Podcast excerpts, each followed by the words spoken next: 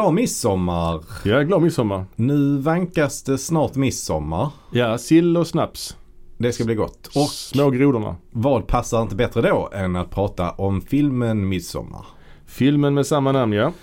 Midsommar då, det är ju en, ja vad är det för film egentligen? Är det en skräckfilm eller en musikal eller en komedi eller ja, det är svårt att säga. Den är lite genreöverskridande kan man kanske säga. Ja, alltså, musikal vet jag inte. De sjunger ganska mycket. Ja, det gör de i och för sig. Komedi vet jag inte. Ja, det om man har den, eh, den ingången i det kan man väl säga det som en komedi. Men jag ser det väl som, Jag har ju lyssnat på lite intervjuer nu Mm, eh, mm. med Ari Aster som regissören och eh, manusförfattaren heter. ja.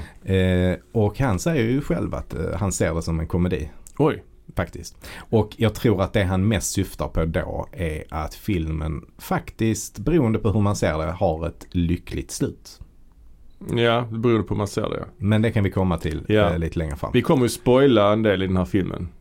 Eftersom, ja den är, alltså jag säger det, alltså filmen är ju inte superny. Den kom väl 2019 men för, för vad den här podcasten så är det ju en ganska ny film. Vi brukar ju gå längre bak i, i filmhistorien än så, så här. Men vi ska tänkte prata lite om midsommar just på grund av att det är midsommar nu. Ja, ska vi, ska vi snacka lite om Ari Aster himself först, regissören då? Ja, men det, ja precis, det kan vi göra ju. Han är ju ganska ny Han i är gamet. relativt ung också ju. Ja, han är född 86 tror jag. Mm. Så, Så 37 kanske någonting. Då. Ja. 35. 35. Men, eh, men om man ska vara noggrann. Men eh, ja, och han har gjort två långfilmer. Den första är ju Hereditary som kom Mm. 2018. Ja, kan vi också prata lite om Mm. Mm. det. Eh, vad tycker du om den? Ja, jag vill nog faktiskt, jag gillar den jättemycket. Så Mm. jag kanske till och med tycker att det är alltså 2010-talets bästa skräckfilm. Mm. Ja, okej. Tycker jag. Ja, det finns en del att välja på där men den är såklart Mm. up there. Det skulle jag Mm. säga. Vilka tycker du konkurrerar om det priset? Ja, det finns alltså ju. det finns ju, eh, vad heter de, Au, eh, Us och Get Out Mm. och Quiet Place. Eh, som är stora Ja. skräckfilmer. It Liksom. Follows tyckte jag var väldigt bra. It, It Follows är också väldigt bra. Eh, Sen tycker jag om Midsommar också. Den kom Mm. ju 2019 Mm. så att eh, ja den är, men eh, alltså om vi har en topp 10 så är ju alla vi har nämnt kanske med på den. Jag kanske inte, Mm. A Quiet Place kanske inte är så förtjust i. Nej, nej, inte jag heller. Ehm, men det här är ju de filmerna som har varit stora succéer och som ändå har varit ganska bra och Mm. effektiva skräckfilmer. Liksom. Absolut, absolut. Men It Follows håller jag med om, den är också riktigt bra. Men nej, jag, jag tycker faktiskt att Hereditary är, är 10-talets bästa skräckis. Ja, jag, jag, jag har sett den ett par gånger och första gången jag såg Hereditary så hade jag ingen aning om vad den skulle handla om. Utan jag, jag bara, ja jag, jag, jag ville inte veta någonting. Mm. Jag vet inte ens om jag kollade trailern. Mm. Jag kommer inte ihåg. Jag, jag kommer ihåg att jag såg bilden på den här flickan och jag tyckte hon såg lite skum ut. Mm. Så jag trodde att det skulle handla mycket om henne. Att det skulle Mm. vara lite så scary child eh, Mm. skräckfilm. Men det, det är det ju inte.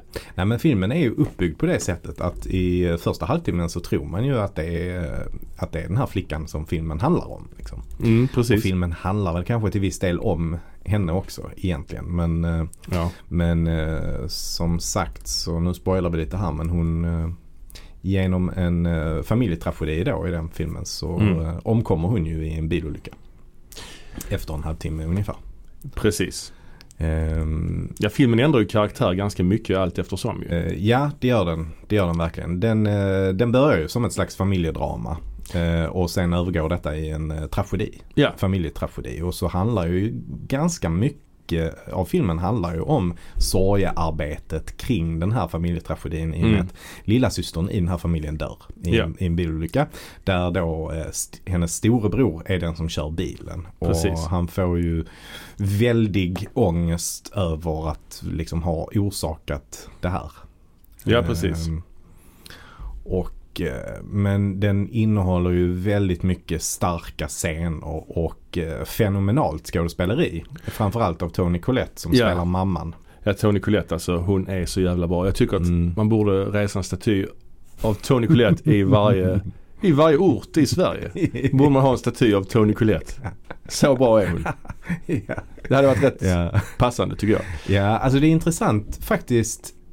För att hon slog ju igenom kan man väl säga i Sixth Sense. Som Ja. också är en skräckfilm där hon också gör en riktigt stark rollprestation. Ja, där blev hon Oscars-nominerad till och med. Ja det blev hon, Ja, ja, där är hon riktigt bra. Mm. Men hon, är, hon har ju en jävla range.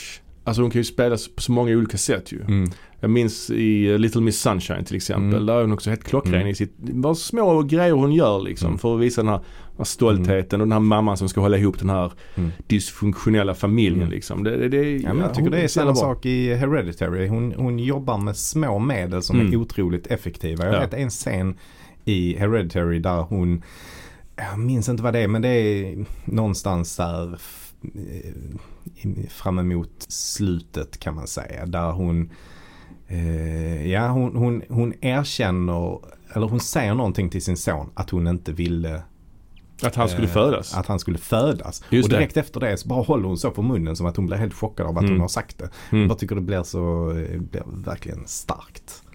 Är det en drömsekvens det är det va? Jag minns inte riktigt. Ja, där, just där i den eh, Mm. sekvensen är det lite flummigt med vad som är dröm. För där är, ja det är, det är, jag tror det är en drömsekvens i en drömsekvens eller någonting sånt Ja, konstigt. han leker ju med, form, med, med berättandet rätt Mm. mycket, Ari Aster. Filmen inleds ju med en åkning in i eh, miniatyr, eh, ett dockhus Mm. kan man säga. Hon Mm. är ju någon slags dockhusmakare, Mm. Tony Collette. Hon Mm. jobbar med, hon har ett ateljé hemma där hon sitter och bygger små Mm. miniatyrlandskap och miniatyrhus och sånt. Och där är en åkning in i ett sånt hus och sen ligger där en vanlig människa och sen så är det liksom, sen börjar filmen. Då är man i, då är det helt plötsligt ett Mm. vanligt rum. Mm. Så det är ju alltså och det är också intressant att de här eh, eh, de här miniatyrerna innehåller ju en hel del eh, ska man säga, ledtrådar till filmen. Ja. Alltså om man tittar på dem lite, lite närmare och ibland är det inte så lätt att uppfatta heller för att de ibland bara flashar förbi. Men Mm. Filmen handlar ju också lite grann om att det, det, det inleds ju med då att Tony Colettes mamma, alltså mormon till de här då barnen Just det. har eh, dött så de är på en begravning där. Och då i, hennes, Tony Colettes eh, sorgarbete över det så eh, bygger hon ju då modellhus eller panåer eller vad man ska kalla det för. Ja. Eh, eller diorama heter det kanske. Diorama. Mm. Ja, så hon jobbar ju som konstnär och bygger sådana och då gör hon det. Eh, och då har hon byggt en eh, sån där, där mormon då ska amma den här eh, yngsta flickan. Till Just det. exempel. Det är bisarrt. Ja det är bisarrt och det är bara en sån grej som snabbt flashar förbi men sen så får man reda på mer och mer Mm. om, om detta då. Liksom att mormor ville ta en mycket mer vad ska man säga, aktiv roll i uppfostran av den här lilla flickan och, Ja. och så. Eh, Tony Collettes man spelas ju av Gabriel Byrne. Mm. Han har man inte sett på ett tag när den här filmen kom. Nej. Känns liksom som en liten... eh, ja. Jag tror att han gjorde någon serie som han jobbade rätt mycket Ja, det gjorde han Var det kanske, kanske den ja. In Treatment eller någonting. ja, det stämmer nog ja. Mm. Eh, så det var väl där. Och Mm. därför så såg man honom inte så mycket i, i, eh, i film. Och sen så tror jag nog också att, för han är, han är väl irländare tror jag. Så jag tror att han har gjort en del irländska filmer Ja, ja, ja. faktiskt. För mig har sett honom i något. Precis. Eh, men han tycker jag också spelar riktigt bra. Eh, Ja. Även om han har en mycket mer otacksam roll.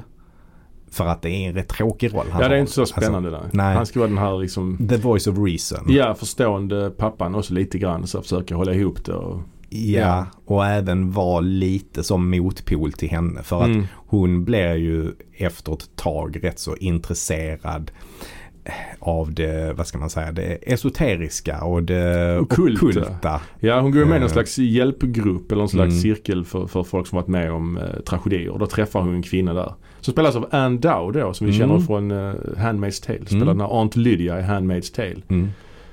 Och då börjar hon intressera henne för... Hon är eh, vidrig i Handmaid's Tale. Ja det är hon. Hon är inte helt hundra här heller ju. Nej. Till början nej. är hon ju verkligen... Men hon är aldrig vidrig i denna. Här är hon mer, Mm. Ja, alltså, men hon visar henne och här, jag vet inte. Hon visar ju henne hur hon kan få kontakt med sin dotter igen. Och de kör ju faktiskt anden i glaset. mm. Mm. Och det vet jag inte. Det, där kanske vi är lite inne på. Det känns lite, är det lite fjortis? Eller? ja, visst. Men det, det, samtidigt är det ju lite kul för det är ju en sån här klassiker. Mm. Som man har hört talas Mm. om när man var tonåring och så vidare. Barn. Mm. Ja, Ja men visst, det det är kanske det kanske är lite fjortis. Det lite. kanske det. är. Så det här är inte en film som är för alla heller. det är ju också väldigt mycket detaljer man måste hänga med i hela tiden. Ja. Och är man inte, jag tror inte den här filmen funkar lika bra på streaming till exempel. Eh, som den gör i en eh, biograf. Nej, så är det. För att hänger man inte, som sagt den är, den är ganska långsam eh, I, i början. Och hänger man inte med på alla detaljer så får man inte ut lika mycket av den. Heller. Jag tycker den är lite, liksom, nästan lite Bergmansk emellanåt. Mm, ja, Alltså, absolut. alltså vardagsrealism med familjedramat. Mm. Och sen utvecklas ju filmen och förändras. Efter det att hon börjar med anden i glaset så tar ju filmen en vändning. Hon Ja. börjar kolla i sin mammas gamla lådor och sånt. Mm. Och hittar ju Där hittar Mm. hon en massa dokumentation och lite Mm. album och sånt. Som visar att mamman var med i någon form av Mm. Ja, Sällskap. Sällskap ja. Ja. hon, hon, mamman då har ett annat namn också och det är ju Queen Lee. Just det. Så att hon är ju då någon slags ordförande i en sån här eh, kult som, eh, Mm. Som tillber eh, Paimon. Som Ja. är någon slags, jag har inte riktigt koll på vad det är egentligen. Nej, det är någon slags, eh, Någon- frälsare som ska komma eller någonting. Men detta Ja. nämns väldigt i förbifarten tycker Mm. jag. Alltså det nämns, hon hittar ju någon bok och tittar och så är det lite inzoomningar i boken. Lite, Mm. lite så bild, namn lösryckta. Mm. Inte mer. Så de Nej. bygger ju inte upp det speciellt mycket. Nej. Men sen längre fram i filmen så får det ju plats, stor Mm. plats. I, alltså, Mm. Men det intressanta med det här är ju då att eh, den här flickan då, hon har ju då blivit eh, eh, det är hon som ska förkroppsliga den här Paimon. Så att hon, Ja. hon föds. Och det intressanta med det är ju att hon är hela tiden lite konstig sådär den där flickan. Och Mm. det förstår man ju då senare att det beror på att hon hela tiden har varit den här Paimon. ja. Som till exempel så är det en scen där hon sitter i klassrummet och så är det en fågel som flyger in i en glasruta Mm. och så trillar den ner på marken och dör. ja. Och då efteråt så går hon dit och så bara skär hon huvudet av den här fågeln. Ja. Eh, som är bara så här, man fattar inte alls varför men, men senare förstår man ju det. Och mycket av den här filmen det återkommer också det här temat med att eh, eh, skära av huvudet Mm. På folk kan man säga. För att det händer ju själv den här lilla flickan då. Ja. Eh, och sen så gör ju då Tony Collette det också eh, på sig själv eh, senare Ja, i filmen. gud ja. Ja, det är, en riktigt obehaglig scen. ja, det är riktigt obehagligt. Och det är ju också, alltså hela filmens sista akt. Det är ju en försmak också vad som ska komma skall i midsommar kan man säga. Mm, Det är ju verkligen en, en brygga till den. mm, För den utvecklas ju till någon slags folk horror här också ju. Mm, Lite Rosemary's Baby eller i alla fall, eller någonting åt det Mm. hållet. Mm. Ja, Rosemary's Baby mer kanske, det här okult uh, sekt-saken. Mm. Alltså, Ja, jag skulle säga att den har inte så mycket folk horror i sig, eh, Hereditary. Men eh, däremot eh, det ockulta tycker jag. ja, men där är ju vissa estetiska, alltså i slutet av filmen så går ju sonen upp i någon trädkoja som har etablerat Mm. tidigare i filmen Mm. och där har de någon slags sex, sex, någon Mm. slags sektmöte. Och där har de ju någon, klätt någon slags eh, figur med grenar och lite så. Mm. Lite åt uh, Wickerman-hållet. Alltså, Mm. eh, alltså Mm. och lite som i Midsommar också. Men, men vi kanske ska snacka lite om folk horror. Ja, gör det. För det är ju en, eh, alltså Midsommar är ju, det får man nog ändå säga, framförallt är en folk horror-film. Snarare än en komedi. Mm. Eh, Men den här termen är lite svår att definiera. Det är en ganska ny eh, genre så att säga. Ja. Eh, det som alltså har givits, filmer har givits den här etiketten i efterhand. Mm. Och de som eh, brukar, man brukar säga skapade den genren är, det är tre, framförallt tre brittiska filmer från eh, 70-talet som Mm. är då The Witchfinder General, The Wicker Man som vi nämnde och Blood on Satan's Claw. Mm. Eh, men den här etiketten den hittade man ju på långt senare. Ja. Eh, men, men det som eh, kännetecknar en folk horror är väl i alla fall att det kretsar kring folklår. Mm. Eh, traditioner kring det övernaturliga och vidskepelser. Eh, och innehåller ofta element som makabra ritualer. Mm, ritualer. eh, Ofta i lantlig miljö. Ja, och det som väl alltid egentligen är grejen med folkhorror är att det handlar om en person eller en grupp som Mm. åker någonstans. De kommer utanför civilisationen. Mm. Och fastnar då i någon slags eh, ödemark där de då är avskurna från eh, civilisationen. De kan inte kontakta. Ja, Så att de är på en annan plats kan man säga. ja, så det är väl lite där jag tycker att Hereditary inte riktigt eh, funkar som en folk horror. Nej, inte, inte till en början men jag tycker ändå det finns hintar av det i slutet när han, sista överlevande, de är, de, deras Mm. hus ligger ju ändå typ i skogen. Mm. Och, och Mm. han är själv kvar, det står en massa nakna människor längs vägen. Mm. Han går in i det här, han ser sin mammas kropp sväva in i den här eh, Mhm. trädkojan. Mm. Och, och sen går han upp där och där är ju någon slags ritual där de säger Hail Paymon. Och då får man Mm. dessutom reda på att den här lilla flickan Mm. har ju då tagit över sin storebrors kropp. Mm. Så det är hon. Just det. För hon behöver ett manligt eh, Ja. värld. eh, En Alltså manlig värld. Det är rätt så mycket, han kräver rätt mycket ändå av tittaren. Eller rätt mycket ska jag inte säga. Mm, men just ja. det här att det är en sekvens där Tony Collette hittar de här böckerna. Mm. Och kollar det typ en gång. Mm. Och, och sen bara händer detta i slutet. Ja. Det är ju rätt långt ifrån hur filmen börjar. Mm, verkligen, verkligen. Men jag gillar det. Mm. Jag gillar det. Det är en väldigt oförutsägbar film och, och verkligen eh, Ja, den är ju Mm. visuellt fantastisk och skådespeleriet är ju Mm. top notch.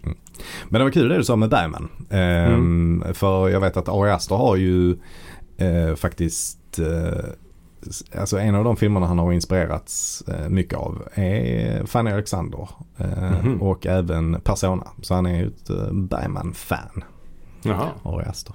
Ja. Och eh, man kan ju också faktiskt säga att Bergmans eh, film Jungfrukällan också är ett exempel på folk horror. Ja, ja, ja, Faktiskt, det, den brukar nämnas eh, Ja, som ja. en sån. Och sen finns det ju underkategorier också. Eh, som till exempel då de amerikanska folk horror-filmerna som ibland kallas för Hicksploitation. Mm, precis. det är ju också en jävligt rolig term tycker Jo det är det. Men det är lite mer, vad ska man säga, där är ritualerna lite mer slarviga. jag. Ja, Det är det, inga ritualer kanske som är andliga utan mer så här Kanske man ska äta upp någon, mer kannibal, kannibalistisk. eh, Alltså en som brukar räknas in där det är ju Motorsågsmassakern. Ja. Där är det ändå rätt mycket ritualer de har för sig.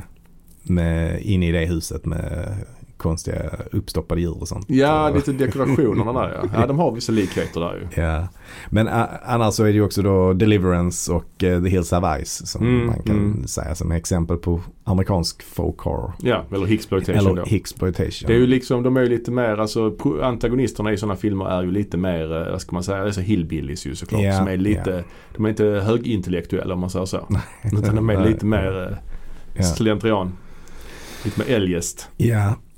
Och Southern, Southern Gothic är också en sån eh, genre som också eh, angränsar. Och där har vi ju ofta mer av det okulta Mm, också mm. i dem. Så att ja, det är väl eh, genrer som ligger väldigt nära varandra och ibland så lånar de väl lite av varandra. Och Mm. så det är ibland svårt att dra en knivskarp gräns mellan Ja. vad som är vad. Men jag gillar ju verkligen hur han förändrar, hur han ändrar genre efter, allt eftersom filmen rullar. Att det inleds som Mm. en slags familjedrama, utvecklas till någon, har lite thrillerinslag och Mm. eh, dessutom det här eh, alltså okulta man hintar Mm. kring och sen Sen vänder man ju på steken och börjar följa sonen lite mer. Mm.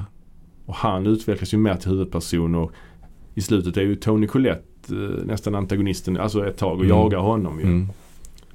Ja, ja. I en sjukt Ja. obehaglig scen också. Ja. När hon springer omkring på väggarna och sånt.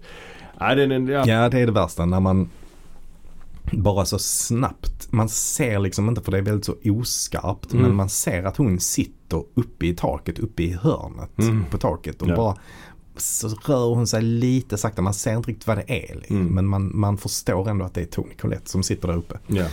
Eh, Och sen är det ju jävligt läskigt när hon då, som, som vi nämnde innan, att hon skär av sig sitt eget huvud med hjälp av en pianotråd. Man säger hon mm. sågar av Mm. sitt huvud. Och man får också intryck av att hon är medveten om vad hon gör. Att det är liksom den Mm. vanliga Tony Collette karaktären då, Annie som hon heter. Att hon upplever smärtan där också. Mm. Att hon kan inte hjälpa vad hon gör liksom.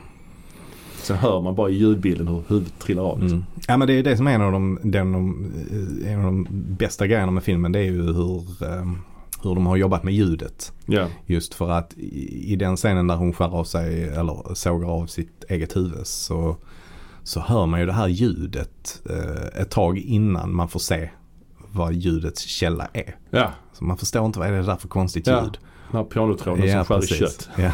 Och, och sen eh, får man se vad det är för något. Ja. Och ljudet spelar ju också roll eh, i de här lite mer spökscenerna eller vad man ska kalla det för. Mm. Eh, för att den här flickan hon gör ett sånt här eh, kluckande Ja. ljud med tungan. Så, så är hon ja. Ja. Och efter att hon har dött så börjar ju den här pojken då Ja. höra det här ljudet. Ja. Alltså, också sjukt läskigt. ja, men ja, väldigt subtle. Väldigt Mm. finstämt. Mm, det är väldigt, finstämt. Ja, det är väldigt bra alltså. Men det är ett exempel på en sån där grej som man lätt kan missa om man inte är, är, är så uppmärksam. ja, verkligen. Så att det här är inte en film för alla och det är inte Nej, en film inte för det. alla tillfällen heller. Och jag kan, jag kan också förstå, jag kan ändå köpa att man tycker att slutet är för mycket. mm. Den här ritualen i trädkojan. Efter Mm. det liksom att varit väldigt finstämt till det. det är ju, han går rätt lång, många steg på rätt kort tid där. Han skruvar upp volymen ganska snabbt. Jag gillar det. Jag bara köper det liksom. Mm, ja, men det är absolut en film som har en lite annorlunda dramaturgi. Verkligen. Och eh, den slutar ju med eh, eh, vad ska man säga, det är, det är en eskalerande film Mm. kan man ju säga. Som, som det bara blir mer och mer och i slutet så är det på max. Ja det är Definitivt. verkligen. Verkligen.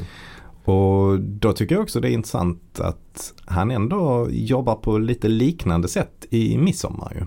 Ja, ska vi prata lite om den istället då? Mm. Ja, Midsommar då kom ju då året efter, 2019. Mm. Och eh, han, Ari Aster, han påbörjade ju Midsommar direkt efter han var klar med Hereditary. Mm. Så han hann ju liksom inte uppleva framgången med Hereditary. Nej, För då nej. var han upptagen med denna istället. Ja, jag tror att han, alltså han Hereditary hade premiär och sen eh, bara några dagar senare åkte han iväg till, till Ungern för att Ja. spela in den här Midsommar. Då. Jag kan respektera det. Ja, verkligen. Det är bra att smida medan järnet är varmt Ja, så att säga. Men, men film, alltså projektet påbörjades ju mycket tidigare. Jag tror det påbörjades omkring 2013 eller någonting sånt. Ja, okej. Ja. Eh, för det, det är ju, det är ju svenskrelaterat detta. ja, det är lite Eh, svensk samproduktion. Ja, Mm. det, är, det är det definitivt. Eh, Så att bakgrunden till alltihopa det är ju då att eh, en eh, svensk producent eh, som heter Patrik Andersson. Mm. Patrik Bjerre Andersson. Nej, det heter han inte. En annan. Nej, Patrik Trelleborg Andersson. Just det. ja, men ja. Ja, nej, eh, men han, han, eh, han, eh, han hade ett projekt som hade strandat men han skulle ändå pitcha någonting då för Mm. ett amerikanskt filmbolag. Ehm, och det som de då funderade över det var att de ville skapa en slasher i midsommarmiljö. Ja. Eh, och då eh, kontaktade han eh, en, en barndomsvän som heter Martin Karlqvist. Mm. Som eh, faktiskt bor i Malmö tror jag. Ja, Okej. Eh, som jag inte tror är, jobbar med film i övrigt. Så. Ja, okej. Eh, men men eh, de skapade då eh, den här idén om en sekt i Hälsingland. Det är ju bättre för man, man läser titeln Midsommar och man vet Mm. att det är en skräckfilm då blir man lite rädd att det är liksom Halloween fast midsommar. Mm, mm, Och då blir det Mm. lite pajigt när man, man, om man får det intrycket så Ja. känns det ju pajigt liksom. ja, ja, ja, precis. Eh, men, men då i alla fall så eh, kom Ari, Ari Aster kom in i bilden också vid det läget där det bara fanns en idé egentligen eller ett Mm. koncept. Mm. Eh, och så blev han då anlitad för att eh, ja, regissera och skriva manus. Så han eh, började ju skriva det här manuset innan Hereditary var släppt. Mm. Eh, så att det, de fick göra det var att de fick ju läsa manuset till Hereditary och de gillade det väldigt mycket. Och det Mm. var baserat på det som de då anlitade Ari Aster till detta. Eh, Men, men det är ju alltså baserat på Patrik Andersson och Martin Karlqvists idéer då. Ja och eh, den är ju Alltså den påminner ju rätt så mycket om Hereditary eh, i strukturen eller rätt sagt tematiken. Alltså den börjar ju också med familjetragedi precis som Mm. Hereditary bara att det Mm. går mycket fortare. Mm. Ja precis. Det handlar ju om en tjej som heter Danny. Eh, som är i ett eh, ganska dåligt förhållande med sin eh, pojkvän Christian. Och han pluggar socialantropologi. Eh, hon råkar då ut för en familjetragedi då hennes syster som ju lider av eh, mental ohälsa begår självmord och i samband med det dödar hon även deras eh, föräldrar i den här självmordsakten. Ehm, och eh, det här blir ju såklart en jättestor tragedi för henne och hon lider ju själv av, hon är ju en ganska osäker person tror jag. Och, man får se i början där att hon har lite pillerbox, pillerlådor och så med Mm. lugnande och så. Så att hon bestämmer sig i alla fall för att följa med Christian eh, och hans kursare till Sverige för att fira midsommar. Då de ska resa dit för att eh, studera midsommarfirande i olika europeiska kulturer. Och eh, de åker dit och eh, till en början så är det ju exotiskt och vackert i den här eh, lilla hälsingländska byn Hårga. Men efter, efterhand så märker de att den här eh, sekten kan man nog kalla det för. Som de bor hos inte är helt, eh, helt rätt igenom mysig. Men jag tänker Florence Pugh alltså som då spelar huvudrollen. Hon, Mm. hon är ju, jag tror, alltså hon kommer nog bli ett stort namn. Alltså hon är ju redan rätt stort namn. Hon, Mm. har, hon blev Oscars nominerad för Little Women ju här förleden. Mm. Eh, hon har ju också spelat med i eh, en del eh, filmer. Hon spelar huvudrollen bland annat i den här Fighting with my family. Som, Mhm. Den känner jag inte till. ja, det är en eh, film som handlar om wrestling faktiskt. Jaha. spelar en wrestler. Ja, ja. Det, det, The, The Rock har varit med och producerat den. Han spelar också, han är också Mm. med lite grann och spelar sig själv i någon scen sådär liksom. Mm. Ganska tillrättalagd film men hon är ju brittisk från början och det utspelar sig Mm. i England. En Mm. brittisk tjej som vill bli wrestler. Ja, ja. Det är intressant också att det är en sån biopic som handlar om, Mm. en, om en tjej som typ är 24 bast nu liksom. Mhm. Okej. Alltså den handlar om grejer som hände 2011 Ja, och den kom kanske sex år efter det. Ja. Så den är rätt så. Men eh, sen kommer hon ju också med kommande Black Widow ju. Just det. Så att eh, Hon, hon, har, hon är också med i eh, The Little Drummer Girl. Ja just det. Eh, Den här eh, John Le Carré-serien som Park Chan-wook har gjort. Ja. Eh, Alltså hon är riktigt, uh, riktigt grym. Ja, hon är ju verkligen en eh, up and coming. eh, Och jag vet också att eh, direkt efter den här inspelningen så åkte hon, eh, det blev ingen semester eller någonting sånt. Nej, hon åkte direkt och spelade in Little Women efter den. Efter midsommar. Mm. Jaha okej, Mm. shit. Ehm, och eh, vad, vad var det mer jag tänkte på? Jo, hon är också känd för den här Lady Macbeth tror jag. Ja just det, just det, just det. Den har inte jag sett men, eh, Nej men precis. Eh, men så att hon har blivit ett namn helt klart. Ja och det är de andra, alltså han Jack Raynor som spelar hennes kille, han är ju också brittisk ju. Mm, Och även- irländare tror jag. Ja irländare Mm. ja. Och sen har vi han eh, Will Poulter. Will Poulter. Och Han- det är lite kul faktiskt att de Ja han är också, han Ja. är från England. Han är från med i Narnia, London. Narnia-filmer tror jag. Ja framförallt så tror jag han är, han slog igenom i den här We're the Millers, den här komedin. Mhm. Eh, med Jennifer Aniston eh, bland annat. Ja, okej, okej. Eh, där, nu har jag inte namnet på han men han är med i de här baksmällan-filmerna. Ja, okej. Ehm, Ed Helms heter han, right. eh, komiker. Han ska då, ja han ska åka över till Mexiko. Då måste han ha med sig en sån här fake-familj. Så han Mm. bara hittar folk på gatan. Och då spelar då Will Poulter eh, sonen då. Mm. Men sen är det ju också Maze Runner som han, eh, som han är med det. Ja. Eh, och, och det roliga är också att han har ju spelat mot eh, Jack Raynor även i filmen Detroit, Catherine Bigelow Ja, och ja, Will Poulter, alltså han spelar ju, han blir ju typecastad. Han spelar ju alltid en störig kille liksom. Han har ju ett Eh. lite speciellt utseende om man får Mm. säga. Alltså han har de här Mm. ögonbrynen. Lite Jack Nicholsonska ögonbryn nästan. Han ser lite, liksom kan se lite Mm. demonisk ut nästan Mm. tycker jag. Eh, Så i, i Maze Runner-filmerna så spelar han ju värsta mobbaren. mm, Där det är han ju, det är en riktigt otrevlig. Ja. Sen är med i den också Bandersnatch. Just det. Mm. Den här Black Mirror-filmen. Mm. Där han spelar någon slags uh, kodare, någon Ja. utvecklare. Ja, sånt. bra Mm. film tyckte jag. Ja, ja, intressant. Ja, verkligen. Eh, men ja, den här filmen Och då. vi måste också nämna Ja. faktiskt den, eh, den fjärde personen i det här amerikanska Ja. gänget. Eh, William Jackson Harper. Han är inte lika känd. Han är amerikan. Han är amerikan.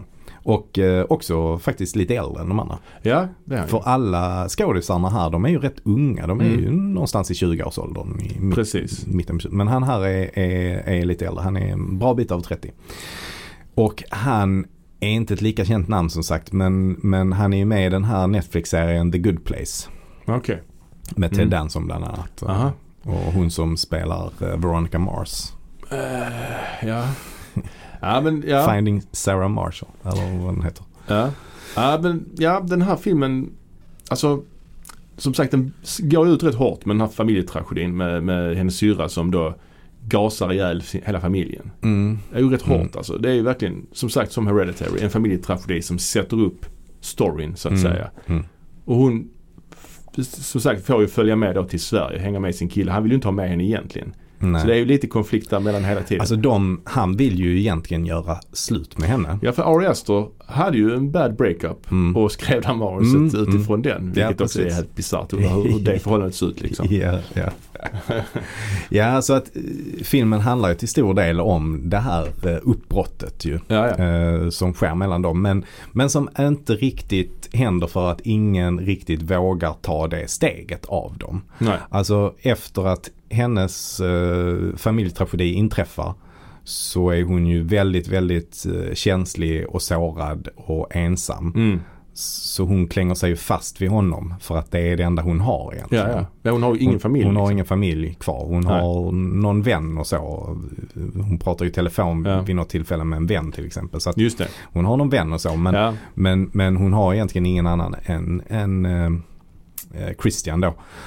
Eh, och han har väl, även om han kanske inte är världens trevligaste person så har han ändå lite moral. Alltså Mhm. för han bryter ju inte upp med henne. Nej, nej.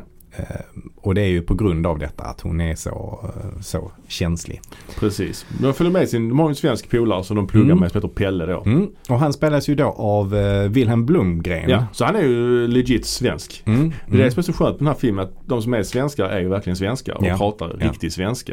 Ja, alla, alla talade roller eh, är ju antingen av eh, amerikaner, ja det är några britter också. Mm, det är det ju. Eh, ja. Men, eh, ja, precis, de är, det är de ju. Ja. Ja. Men de spelar amerikaner.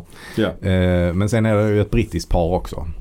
ja. Eh, Det är det. Mm. Men det är sjukt att när de kommer till den här byn, Hårgabyn, då är det ju fler civilister. Ser man ju. Som Ja. går omkring i vanliga kläder och sånt. Mm. Undrar vad det är Mm. för några. Mm. Precis, Ja. det har jag inte fått Nej. någon bra um, förklaring på. Ehm, de åker ju till Hälsingland. Mm. Och, och, men det är inspelat i Ungern. Mm. Så att naturen, nu är inte jag någon expert på den hälsingländska naturen, men blommor och sånt som de plockar och har i kransarna är ju inte typiskt svenska blommor. Det är det ju inte. Nej det är det inte. Och det kan man ju kanske ha synpunkter på som svensk liksom, att det inte känns korrekt. Mm. Men jag faktiskt väljer att bortse från rätt mycket sånt. Mm. Även om jag kan tycka att det hade ju såklart tillfört ännu mer. Men för en som ser filmen som är från Frankrike eller från Amerika så de skiter ju i det vad det är för blommor liksom. Så jag tror det är ganska få som reagerar på det.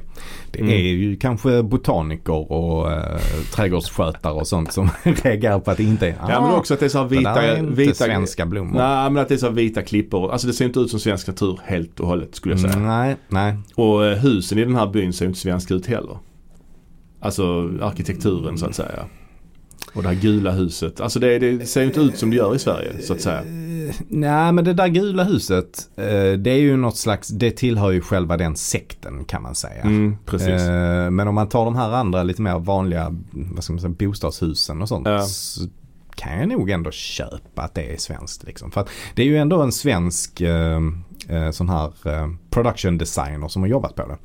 Mm, det är det och och de har ju ändå hämtat det källmaterialet de har haft har de ju ändå hämtat från eh, Mm. alltså svenska källor. Fast det är lite förvridet liksom. Ja det är det ju. Men Och- kläderna och så Ja, de, tycker jag, det kan jag köpa. Ja, jag, jag tycker köp- det ser jag- jag- svenskt ut. jag köper det mesta. Mm. Och nu är kostymören inte svensk. Hon Nej, är, nej. ungrare tror jag. Mm.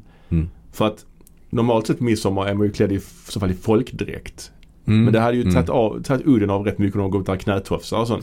Det hade ju inte varit läskigt. Det är ju Nej. läskigt, nu är de ju klädda i så här vita särkar typ. Ja, ja. Men det tycker jag är intressant också. Men hur där är man, också ganska mycket brodyr och sånt Ja, det det eh, på det. Ja, det är det. Alltså, det- Röd brodyr och det kan vara svenskt, absolut. Ja, absolut. Så det Eh. tycker jag, det köper jag. Det känns svenskt. Sen gillar jag hur man lägger in liksom lite normala element. För alltså när de kommer till Hälsingland, de kör ju bil dit ju. Mm. Från Stockholm. Och sen, eh, och det är svenska nummerskyltar och sånt. Uppskattas. Mm. Men när de kommer dit så träffar ju den här Pelles brorsa Ingmar. Mm. Och då bör, tar de ju psykedeliska droger där och Ja. tri, trippar ut lite. Ja. I några timmar. Rätt länge, Ja, alltså en ja. halv dag typ. Ja hon eh, sover ju. Sex timmar. Men det, det är en grej med den här filmen att man har lite så svårt att eh, ha en tidsuppfattning. ja. Och det är ju mycket för att det är ljust hela tiden. ja, och det är också, det kan jag ha synpunkter på i och för sig. De snackar om att det här, solen går inte ner här. Men det är ju Mm. så långt norrut är de ju inte. Nej, nej. Men, men, men visst, jag tycker det är kul att det är en skräckfilm i, i dagsljus. Mm. Det är ju inte många Mm. nattscener, det är ett par stycken. Ja, det är ju det som är intressant tycker jag. Att i början när de är i USA så utspelar sig allting på natten. Ja, och det är kallt. Det- Det, snöar som fan. Ja, det är bara mörkt och det snöar hela Ja. tiden. En annan grej är ju också att det förekommer jättemycket så här. De håller på att fippla med mobiler hi- hit och dit. De skickar massa e-mail. Det är massa så Mm. eh, teknik. Det. Medan det. försvinner helt och hållet när de väl kommer dit. Där, för där är ingen täckning så de behöver inte Nej, använda någon mobiltelefon. Ja, typ så. Ja, jag tror han Will Poulter sitter och kollar på någonting på mobilen. Men Mm, det, det är okej. liksom ingen viktig Mm. grej så. Eh, men jag gillar också hur man lägger in lite normala element. För efter de har, när de har varit där och alltså trippat så Mm. drar de till Hårga, själva Hårga-byn. ja, Och kommer in där.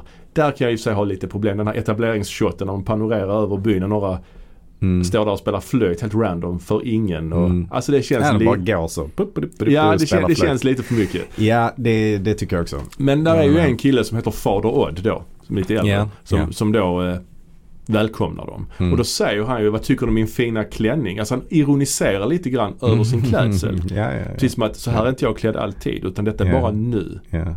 Och det är också en annan sekvens också i, i filmen där, där, där de blir visade sitt, eh, där de ska bo. Mm. Så kommer in en tjej och säger att barnen tittar på Austin Powers. Mm. Precis som att alla Mm. barnen sitter och kollar på någon rolig film. Varför just Mm. det är Austin Powers fattar jag inte. Nej, det är väldigt märkligt. Ja. Eh, Men det också, ger ju också någon slags känsla av att det finns ändå civilisation där. Mm. De har typ Mm. TV, de kollar på normala eh, filmer och så vidare. Ja, precis. Men, men det är liksom bara det. Ja, det är faktiskt bara det som, som förekommer vad jag, vad jag vet. Men jag fattar, så jag fattar liksom inte om de lever så här alltid eller inte. För att de där grejerna jag precis nämnde hintar Mm. om att de inte alltid har det så här. Att detta är bara en tillfällig. Mm. För att säga att detta är en festival som de bara håller var 90 år. Mm. Det är ju rätt sällan. Samtidigt, och, och det får jag heller inte ihop. Jag, jag vet inte, vad är det som ingår i den festivalen Mm. och vad är det som de gör varje år? För att det här med att eh, fira midsommar, det gör de ju varje år. Det gör de varje år ja. Ja. De har utsett en sån här majdrottning varje år. Det visar Ja. ju han Pelle på sin mobil där de är i USA. Här är förra årets majdrottning. Precis. Kan han och för sig ljuga om. Mm. Men det tror jag inte. Och det är samma sak med, med när hon kommer in och säger att de tittar på Austin Powers. Det kan hon ju också ljuga om, det vet man inte heller. Nej det är Men, sant. men, men i alla fall, eh, de här grejerna gör de ju varje år. Mm. Så att då antar jag att det är bara den här själva offerritualen som utförs var 90 år. Den som filmen slutar med menar Ja, du? Ja. ja. Det, är, det är väl bara den då som är var 90 år. För men- att ättestupan, ja. det görs ju när vid behov så att säga. När någon är Ja, tillräckligt gammal. Men det fattar jag inte heller. För det är också sån grej att de snackar om att de ska, imorgon är det dags för en ritual, det är ättestupa. Och då fattar ju han eh, Josh, Mm, han, han som är mest kunnig på Mm. etnologi och, Mm. och antropologi. Han fattar ju direkt vad det är för någonting, Mm. ättestupa. Och de andra fattar ju inte det. nej. Så de går dit och Nej. kollar och då är det ju två stycken, en kvinna och en man. Mm. Som då slänger sig ner för eh, ett, ett stup. Slår Mm. ihjäl sig. Mm. Rätt så brutalt ju. Ja, det är ju filmens första vändpunkt Ja, kanske man verkligen. kan säga. Ja men verkligen. Eller eh, en vändpunkt är väl när hon bestämmer sig för att följa med till eh, Hälsingland. För det första, Mm. det är en bit där liksom. Sen så kommer nästa grej, för då har Mm. det bara varit fint och exotiskt. Det har varit lite märkligt, det har Mm. varit lite konstigt, men det har ändå varit väldigt eh, mysigt, trevligt och vackert. Ja visst, visst. Eh, tills detta händer. Ja. Och det är så brutalt Ja, eh, gjort. Ja. Eh, de, de filmar ju från ganska vid, eh, med vidvinkel. Mm. Och man är ganska långt ifrån. Och när den här första kvinnan då bara faller ner så bara ljudet där är Mm. så, Mm. det är så, det är bara liksom så, pop, Och Alltså- så ser man hennes huvud helt intryckt. helt, Alltså, ja, så, helt intryckt. Han, han dras ju inte för att visa grafiskt. eh, Nej, Likadant nej. i Hereditary. Man helt Mm. plötsligt är det en inklippsbild på den här lilla flickans avhuggna huvud på, Mm. på väg, i väggrenen liksom. Ja, Det, det ja. var helt. Men och sen den här gubben hoppar också ner. Men han dör ju inte. Och då Nej, tar och det är ju det värsta. Ja. Det värsta är ju att han eh, ligger där och lider och har bara liksom helt, eh, benet är helt avbrutet och eh, de inre organen är helt krossade men han lever fortfarande och, Och då- ligger och lider. Och då kommer ju den här eh, skådespelaren, svenska skådespelaren Lennart R Svensson. Mhm. Med Okej. en jättestor träklubba och slår ihjäl honom ju. Mm. Lennart R Svensson, han har gjort mycket. Jag tror han var med i den här Rädda Joppe. Jaha. Rädda Joppe, död eller levande. Det är som barn, eh, barnprogram man var liten. Jag fattar inte det här. Man skulle, alltså Joppe var någon slags gosedjur. Som hela Mhm. tiden den här killen blev av med. Okej. Och Lennart R Svensson spelade grannen som spelade saxofon tror jag. Hade rätt så korta jeansshorts. Tror han hade någonting med hans mamma alltså. Mhm. Jag tror det. Men jag fattar aldrig det här rädda Joppe, död eller levande. Alltså då, om någon är död är han väl inte räddad? Alltså för att rädda någon krävs väl att personen i fråga överlever. Ja, man brukar säga fånga någon död eller Ja, levande. wanted, dead or alive. Ja, men rädda ja. någon liksom. Ja, det är mycket märkligt. Nej, Ja. Det, ja. Nej, de får göra om, gör rätt, säger jag. Ja. Men, men det, är, det är ju väldigt många namnkunniga svenska skådespelare med i den här filmen. Ja, vi har Gunnel Fred till exempel. Ja, Gunnel Fred. Känd från Strul med, med eh, han, Ja, visst. Björn Skifs. Ja, visst. Eh, och Lorry, hon är väl en medlem i Lorry-gänget har jag för mig. Var hon? Eller ja, hon har varit med i någon Lorry-film i alla fall. Ja, det har hon kanske ja. Men Anki Larsson också. Ja, från Fragile. Från Fragile. Ja. Hon har inte faktiskt fått den blomstrande karriären efter Fragile som man trodde. Nej. För hon är ju grym i den. Eh, Det är ju den här kortfilmen av Jens Jonsson. Som Ja. inte heller kanske riktigt har eh, fått den karriären som han... Nej, precis. Vi har ju han också som spelar huvudrollen i den här eh, Jakten på en mördare. Han är ju också med. Jag kommer inte ihåg vad han heter nu men han är ju Jaha. med också ju. Mhm. Spelar en av de här äl- Mm. äldre, Mm. äldre männen. Och Liv Mjönes är Ja. också ett Ja. relativt eh, känt namn. Eh, och hon som kommer in då och eh, tipsar om att man kan kolla på Austin Powers. Mm. Det är ju Julia Ragnarsson. Ja, är det hon som var med i Bron lite grann också? Nej? Säkert. Eh, men hon har, eh, hon, hon har en, en serie på Viaplay tror jag som heter Fartblinda. Ja men det var hon som var i Bron ja, precis. Ja. Hon har gjort en hel del. Ja. Hon har gjort... eh, Maria Larssons eviga ögonblick. Som jag Ja, ja. eh, var med och redigerade ju. Ja, ja.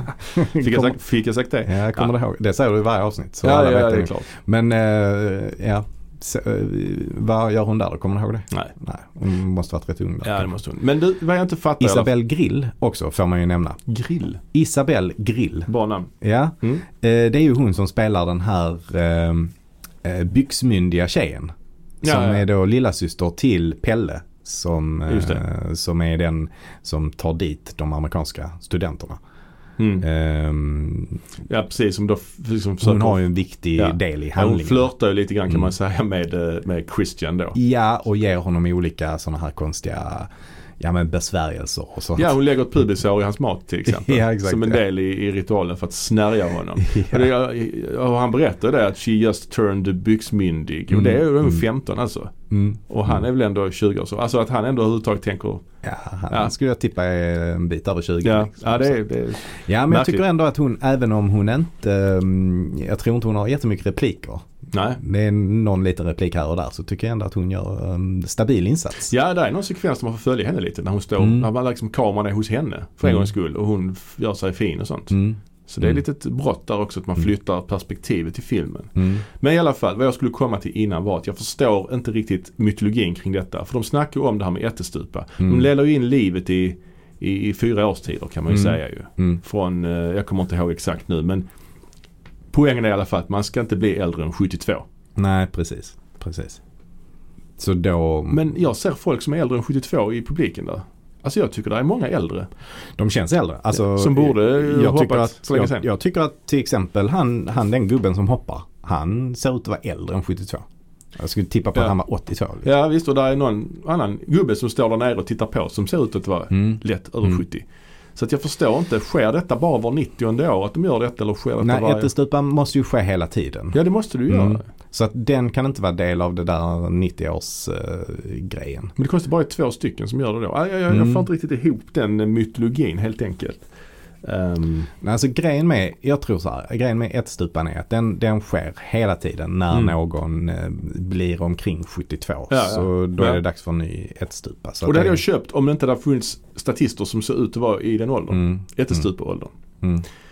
Ja, Ehm, precis. Jo, nej, men det, det reagerar, reagerar Men det är jag ju- också på. Men det är ju en väldigt vacker film. Eh, Ja, och jag, men jag kan, jag kan också, återigen, det här med blommorna det är en sak. Men jag tycker också Mm. maten de äter Där hade de, alltså varför inte lägga in lite sill och, liksom, sill och grejer. Jaha. Där är ett par, ett par det kunde tweakats lite. Men jag kan ändå köpa det. Det är inte så att jag stör mig på det. Absolut inte. Jag undrar vad fan det är de äter. De får någon sån jävla kaka. Ja men det är Någon lite olika sådana köttpajer och sån sånt där. svepask. Ja. Men sen har de ju också ehm, man får se en sån här bild ovanifrån Ja. eh, på den här sista festmåltiden. Ja just det. Eh, när hon har blivit majdrottning och så. Mm. Eh, då får man se, då, är det, då har de bakat någon slags eh, så att det ser ut som en människa. Just det. Eh, Vilket ju är rätt absurt. Ja.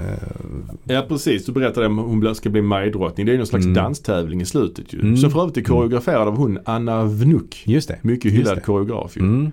Mm. Och där är det ju så att hon Danny vinner. Hon är den sista som står, Mm. Står hon ut. blir majdrottning. De dricker något sånt psykedeliskt te innan också ju, naturligtvis. Ja, Och då blir hon majdrottning och får bära blomster, ja. blomsterkransen då. Ja.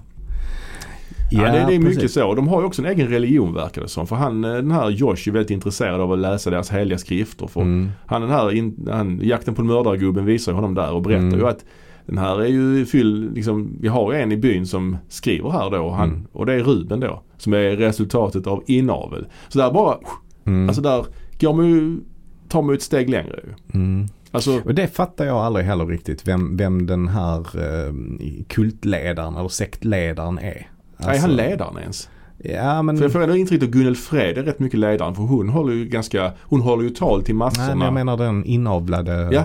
Personen. Ja precis, jag vet att du menar honom men han Ja. känns ju inte som en ledare. Han känns ju bara som någon slags verktyg för, Mm. för gudarna. Ja sätt. precis. Men, men man får se lite snabba bilder Ja. På, Ja, verkligen. på den här. Är det ens en kille? Eh, ja, Ruben heter han ju. Han heter Ruben? Ja, jag tror det. Han är väldigt Ja. underutvecklad som karaktär. Ja, Alltså man hade nästan kunnat klippa bort honom utan att det hade stört ju. men han bara, bara ligger liksom. Ja, han ligger i en säng och en väldigt, säng. väldigt stora läppar. Ser ut som han har attackerats av Ja, bålgetingar. ja, väldigt verkligen. svullen i huvudet liksom. Ja. Men, men jag förstår inte riktigt vem det är och var han kommer ifrån och vad Nej. hans syfte är. Eh, Och det är ju har ganska- Du, vad har du, Nej, jag- tänker du kring det? Ja, ja, ja, jag tycker att filmen tar en kraftig vändning därifrån att när de kommer till Håga så Mm. kan man ju fortfarande ana att de här människorna i vita särkar har vanliga liv, vanliga jobb, bor i stan egentligen. Att de bara är Mm. här av ren tradition. Mm. Men sen när han visar den här skriften för Josh och berättar om att det är en inavelkille som vi har här som skriver detta.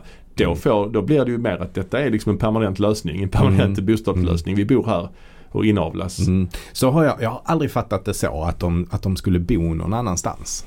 Eh, utan jag har fattat det helt, helt som att de bor där hela tiden och Mm. in, inte gör någonting annat än, än är, är där. Och, Men han Ingmar, eller vad heter han? Pelle menar jag. mm. Och Ingmar, de har ju vanliga kläder. De är ju ute i civila. Han pluggar i USA och sånt ju. Jo, jo, men det, men det berättar de ju att eh, de, de gör ju sin, vad kallar de för, missions... Ja, de är sin sån ja. pilgrimsresa. Ja. Så att då är de ute och deras uppdrag då är att eh, skaffa dit personer som de kan offra och även eh, alltså, ligga med tjejerna så att det blir nya barn. Ja men så är det ju. Men frågan är hur, hur hela skiten går runt. Hur försörjer de sig? Där är inga åkrar. De, de odlar inte något direkt någonting. De står och spelar lite flöjt och äh, dricker te. Ja. Psykedeliskt te. ja. Alltså det är sv- svårt att liksom. ja, precis. Ja, när vintern kommer. Det är ju inte sommar hela tiden. Nej, nej. Hälsingland kan vara kallt. Hur gör man då? nej, men tror du inte de lever då som man gjorde på eh, förr i tiden liksom? Någon slags amish-spår tänker du? Ja, ja, Ah. precis. Men då Och- kollar man inte på Austin Powers. Amish-folket skulle aldrig ha en TV. Nej, men det ena utesluter väl inte det andra. Nej, det inte. kan, hade de väl kunnat göra. Men jag menar bara att de, de kanske lever av vad, vad eh, jordbruket ger dem. Alltså de är Mm. kanske självförsörjande. Ja, Det finns väl inget som säger att de inte skulle kunna vara det. nej. Och vidare, de kanske lever med jordbruk och, och säljer Ja, det, det, mm, det, överflödet. Vi kan ju bara spekulera i detta. Jag, jag, jag, jag, alltså, jag bara får intrycket av att de är ändå moderna människor. För de använder modernt språk ju när han blir förbannad där när han står och kissar på den här rotvältan Mm. som är någon slags Mm. begravningsplats. Mm. Så använder han rätt så modern. Alltså de känns Mm. ändå rätt moderna fast de är klädda i, alltså som en sekt är. Mm. En sekt är ju ändå folk som har ja, som är nutida liksom. Men Ja. När de, när de eh, skapade alltså manuset och gjorde research och sånt så var de ju ute mycket och dels tittade på gamla runristningar och Mm. olika allmogemålningar och allt vad det var. Mm. Men jag vet också att de var ute hos antroposoferna eh, på mörka. ja, jag tänker på Varan-TV. Ja, Jaså? Ja. Tor Dyvel och de. Ah, skitsamma. Men Mm. ja, ja precis. Ja.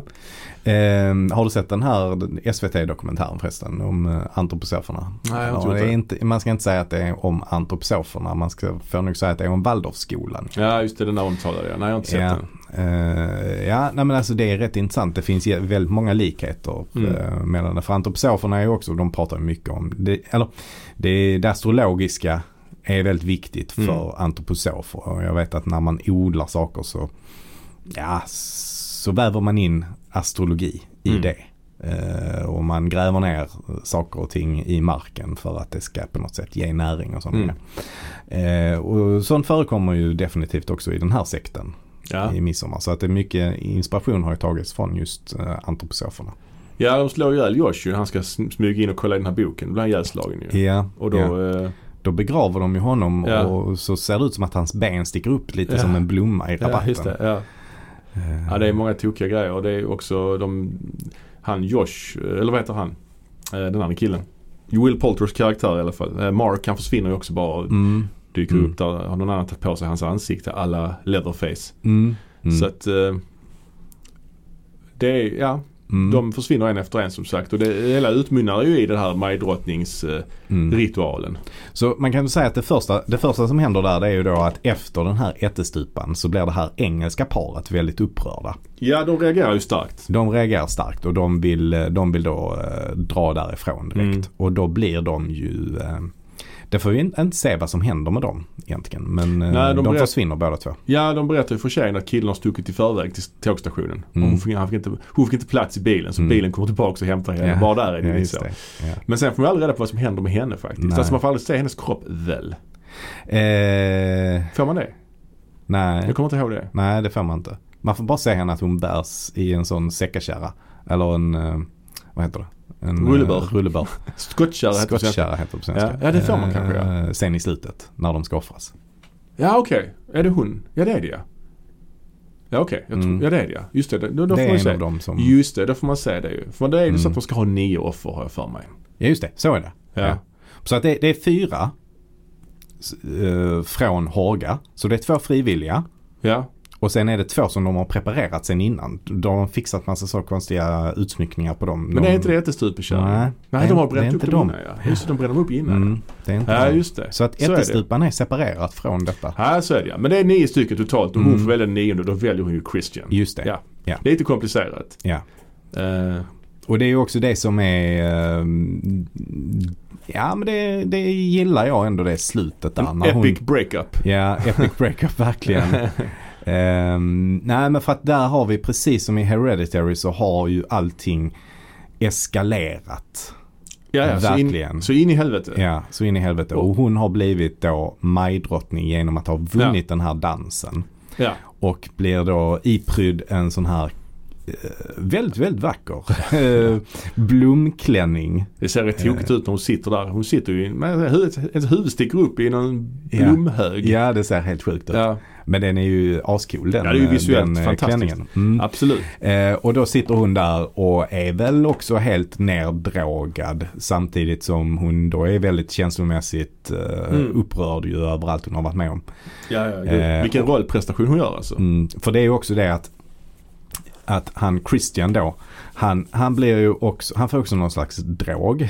Ja. Medan de håller på med den här sista danstävlingen för att kunna välja ut mig, mig eh, drottningen. Så blir han drogad och i, i bortlurad så att han då ska eh, Befrukta. befrukta den här eh, tjejen då som spelas av eh, eh, Isabelle Grill. Ja, Maja heter hon. Maja heter Ja. hon, just det. Ehm, och den scenen i sig är ju också något eh, i hästväg får man säga.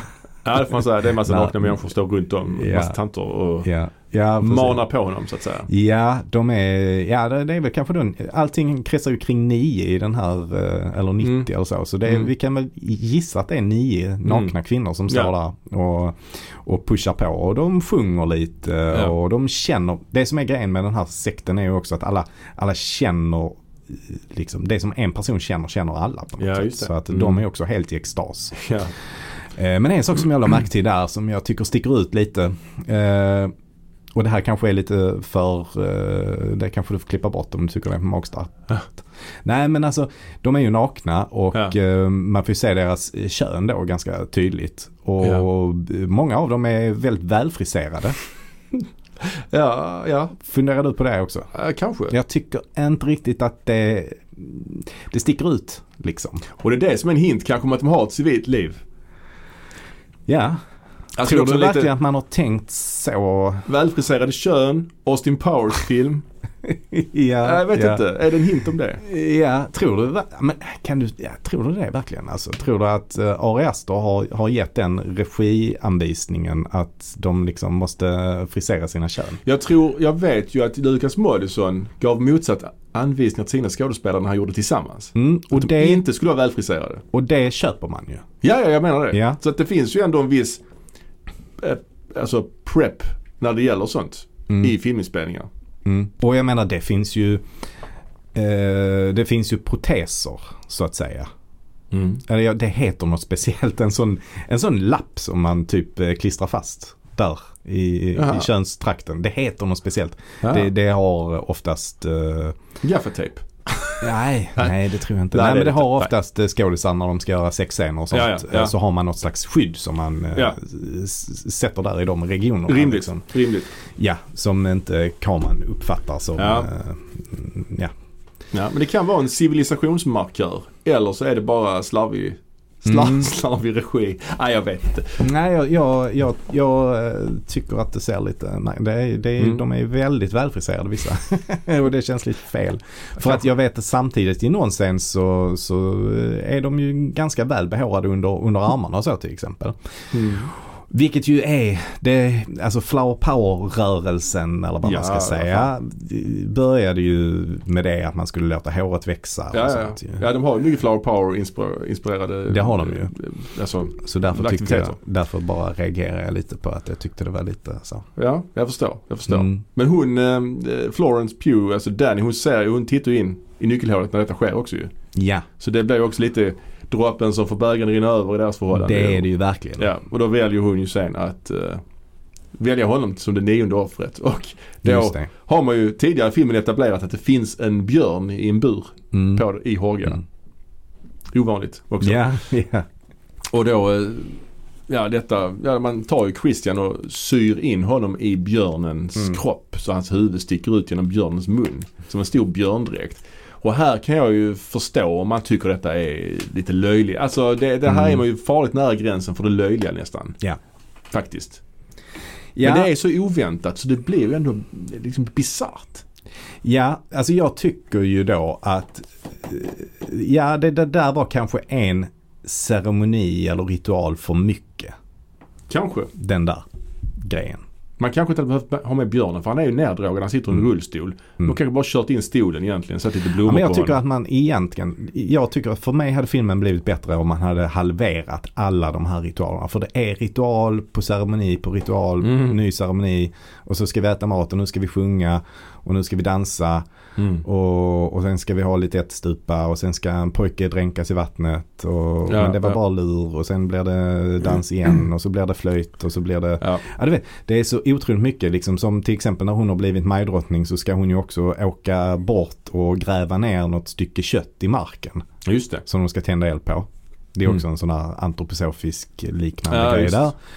Alltså varför, det känns också så onödigt mycket grejer och då när hon gör det, ja då är det någon som ska stå där och sjunga lite.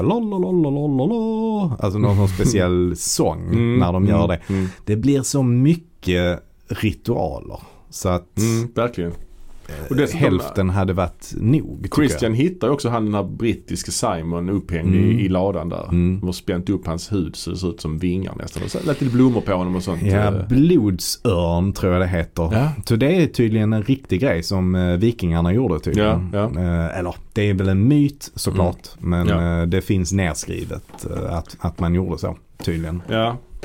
Ja men alltså så här. När jag såg den här filmen första gången så Mm. tyckte jag det var ett mästerverk. Alltså jag Mm. var så jävla Mm. tagen av den. Mm. Jag var nog precis på rätt humör. Jag accepterade alla de här ritualerna som Mm. kan vara för mycket. Jag accepterade osvenska i det här svenska liksom. Mm. Att det var svenska skådespelare men det var uppenbarligen inte i Sverige. Mm. Ehm, jag accepterade allt det där och bara, jag bara köpte. Andra gången jag såg filmen så tycker jag fortfarande jättebra. Jag kanske inte är lika, Nej. lika tagen av den andra gången. Men det kanske är normalt å andra sidan. Ja, alltså jag tycker kanske till och med att den blev bättre efter andra. eh, i, den finns ju i två versioner kan vi säga. Ja det gör den ju. Det finns ju en eh, version som släpptes på bio och sen en eh, Directors Cut. Och Directors Cut är två timmar och 50 minuter kanske någonting. Ja, nästan, den- jag tror det är längre. Men det är, det är nästan tre timmar. Ja. Under tre timmar. Strax under tre ja, timmar. Ja. Medans eh, bioversionen är 2.25 tror jag. Mm, det är 30 minuter som skiljer dem kan man säga. ja. Mm. Och det intressanta där var att jag kan inte riktigt pinpointa på vad de här 30 minuterna var de klippte bort. liksom. Ja, det är ju den här pojken de ska kasta i vattnet. Det vet jag. den scenen är inte med. Nej, det är precis. med Men det är nog den enda så här riktigt viktiga scenen som är bara, eller den är kanske inte ens viktig heller. Men, Nej. men det är den enda, alltså hela scenen som Mm. är bortklippt tror jag. Sen har de klippt lite här och lite där och, och. Ja, det är den här story- eh, story-elementet att Christian vill också eh, skriva samma uppsats som Josh. Mm. Det, är med i, i bioversionen också, fast Ja, det är mycket kortare. Ja, okej, okej. Ja. Eh, och just där vet jag att ungefär vad de klippte bort och det var inte så himla viktigt. Det, Mm. det bråket fortsätter lite längre. Bråket Mm. mellan Josh och eh, Christian. Mm. Ehm, men, men det gör faktiskt mig inte så mycket att det klipptes ner. Så att jag tycker nog ändå att bioversionen faktiskt är lite tajtare, lite, lite Mm. snabbare. Det är ändå fortfarande en ganska så långsam film får man säga. Ja. Men, eh, men jag tycker ändå att den blir, det kom, man kommer till kritan lite snabbare och det, det tror jag är ganska bra. Sen är det klart, man får lite mer eh, fördjupning i karaktärerna i den långa versionen. Ja. Så blir det ju. Eh, Men jag vet att det, det dröjer lite längre precis i inledningen. Hon har ytterligare något extra telefonsamtal tror jag. Ja, ja, ja. Eh, Innan hon får reda på att hennes eh, föräldrar och syster har dött. Mm. Eh, så, så att, men, men på det stora hela så föredrar jag nog ändå bioversionen måste jag, måste Ja, jag säga. Sen är det såklart vissa saker som man inte riktigt förstår på samma sätt. Nej. Jag vet också att den här eh, Ruben är nerklippt ganska mycket i, eh, i bioversionen. Ja, Okej, var han min- han är ju inte med så mycket i den Nej, han är inte med. heller. Men jag vet att det är någon scen där han, eh, han kladdar i någon bok. Ja, det är ju den här heliga skriften. Ja, det är Ja. borta liksom. Så där, där fattar man inte riktigt. För det är första gången man får se dem tror jag i Ja, ja, jag tror långa det. versionen. Mm, mm, Men vad vi kan enas om kanske. mm, Det är att den här filmen hade ju fallit pladask. Om den hade gjorts av en sämre regissör. mm, För den här, alltså i och med att den är så oerhört snygg mm. visuellt. Alltså själva eh, tempot i den, skådespeleriet, Mm. miljön. Alltså den är så jävla välgjord. Mm. Alltså den här kunde varit mycket mer sleazy och mycket, alltså mycket mer eh, Mm. lågbudget. Då hade det blivit en, Ja, alltså, det hade blivit så mycket pajar då ju. Alltså hade inte Ari Aster gjort den och skrivit manus så hade det ju kanske blivit en slasher i Mm. midsommarmiljö. Ja. Eh, Det hade kunnat bli ganska pajigt. Och den enda sekvens som påminner om just slasher i midsommarmiljö, det, eller ja midsommarmiljö, men slasher överhuvudtaget. Det är ju när Josh blir ihjälslagen av den här killen med, med skinn, mm. tagit, tagit Marks ansikte. Mm. Där är vi lite Texas Chainsaw. Det är på natten också dessutom Mm. den sekvensen ju.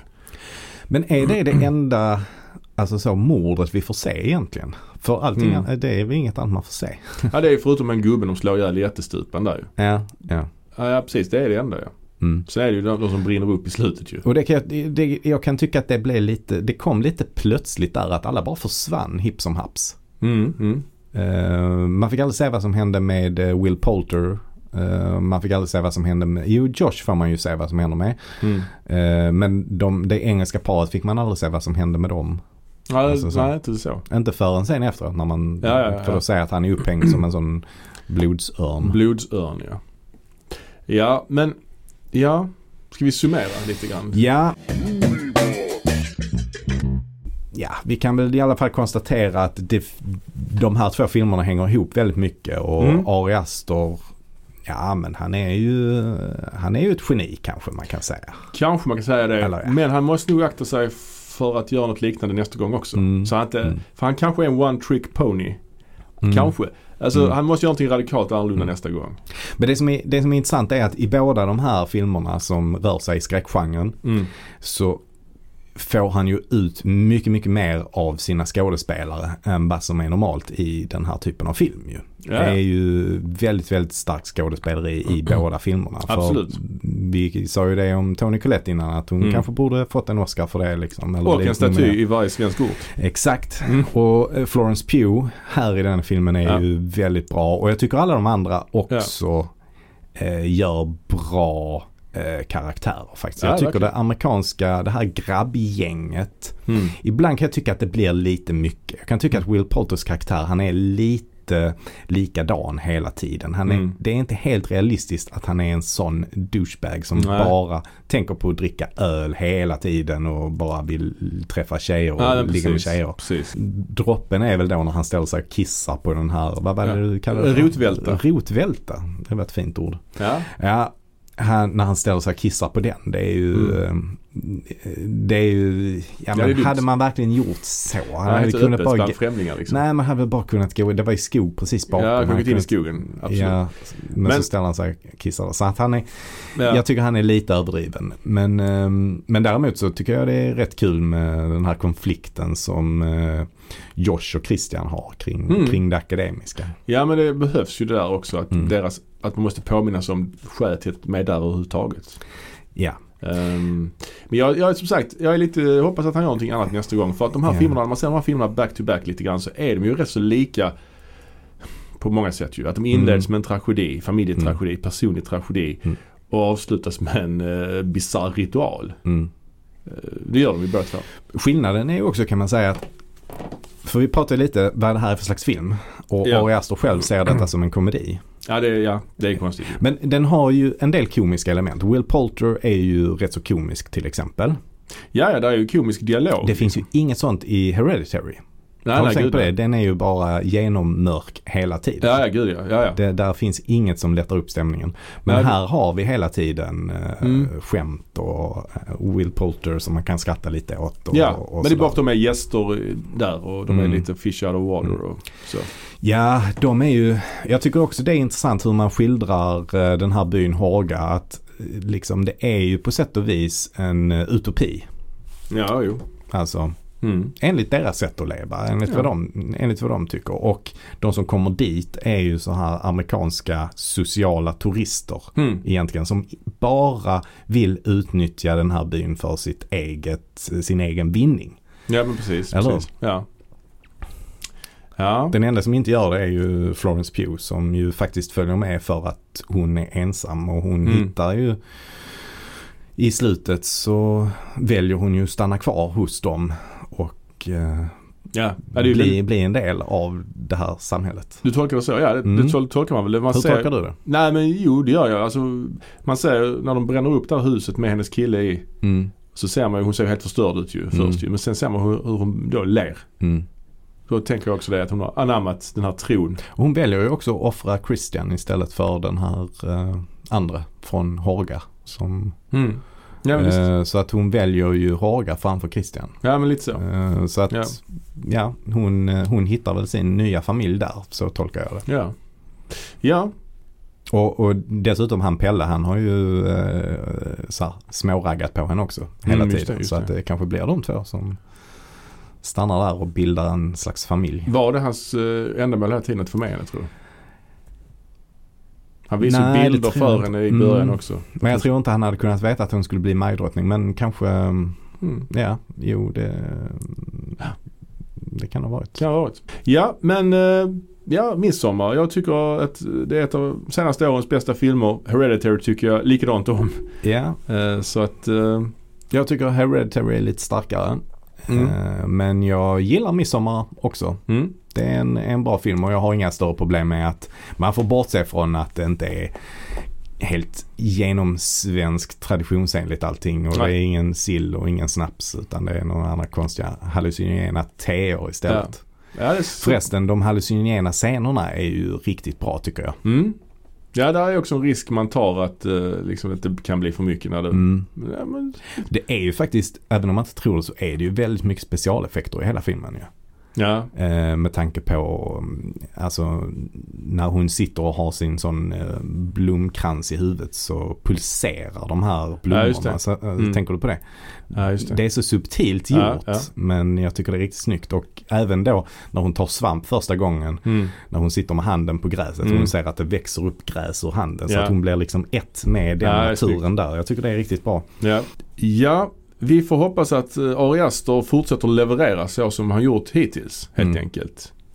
Så eh, Jag vill också tipsa om att alla hans kortfilmer finns på Ja. YouTube. trevligt. Eh, för att som sagt så han eh, innan, han kom ju direkt från filmskolan när han gjorde Hereditary. Mm. Och sen gjorde han direkt Midsommar efter det. Men han har även gjort en del eh, kortfilmer Mm. eh, som finns på YouTube. Så Ja. de, de kan man kolla på. Där är bland annat en rätt rolig tycker jag som heter eh, The Turtles Head tror jag. Ja. Som handlar, som är lite så här, den är gjord lite så i film noir-stil. Ah. Eh, så är det en sån eh, privatdeckare Hmm. som eh, upptäcker att han har en eh, krympande penis. Oj. Som, som försvinner in i hans kropp istället. Hmm. Och så försöker han åtgärda det på olika sätt. Ja, spännande. Ja, men eh, ja. Genom diverse rep och ritualer kanske. anrättningar. Ja, men eh, säg det också då. Jag har inte sett det. får jag ta och kolla in. Eh, då, ja, ska vi avsluta Vi med att säga, avrundar. ja, säga glad midsommar. Glad midsommar Ja. och Ja. ha det så fint. Ja. Hej. Hej!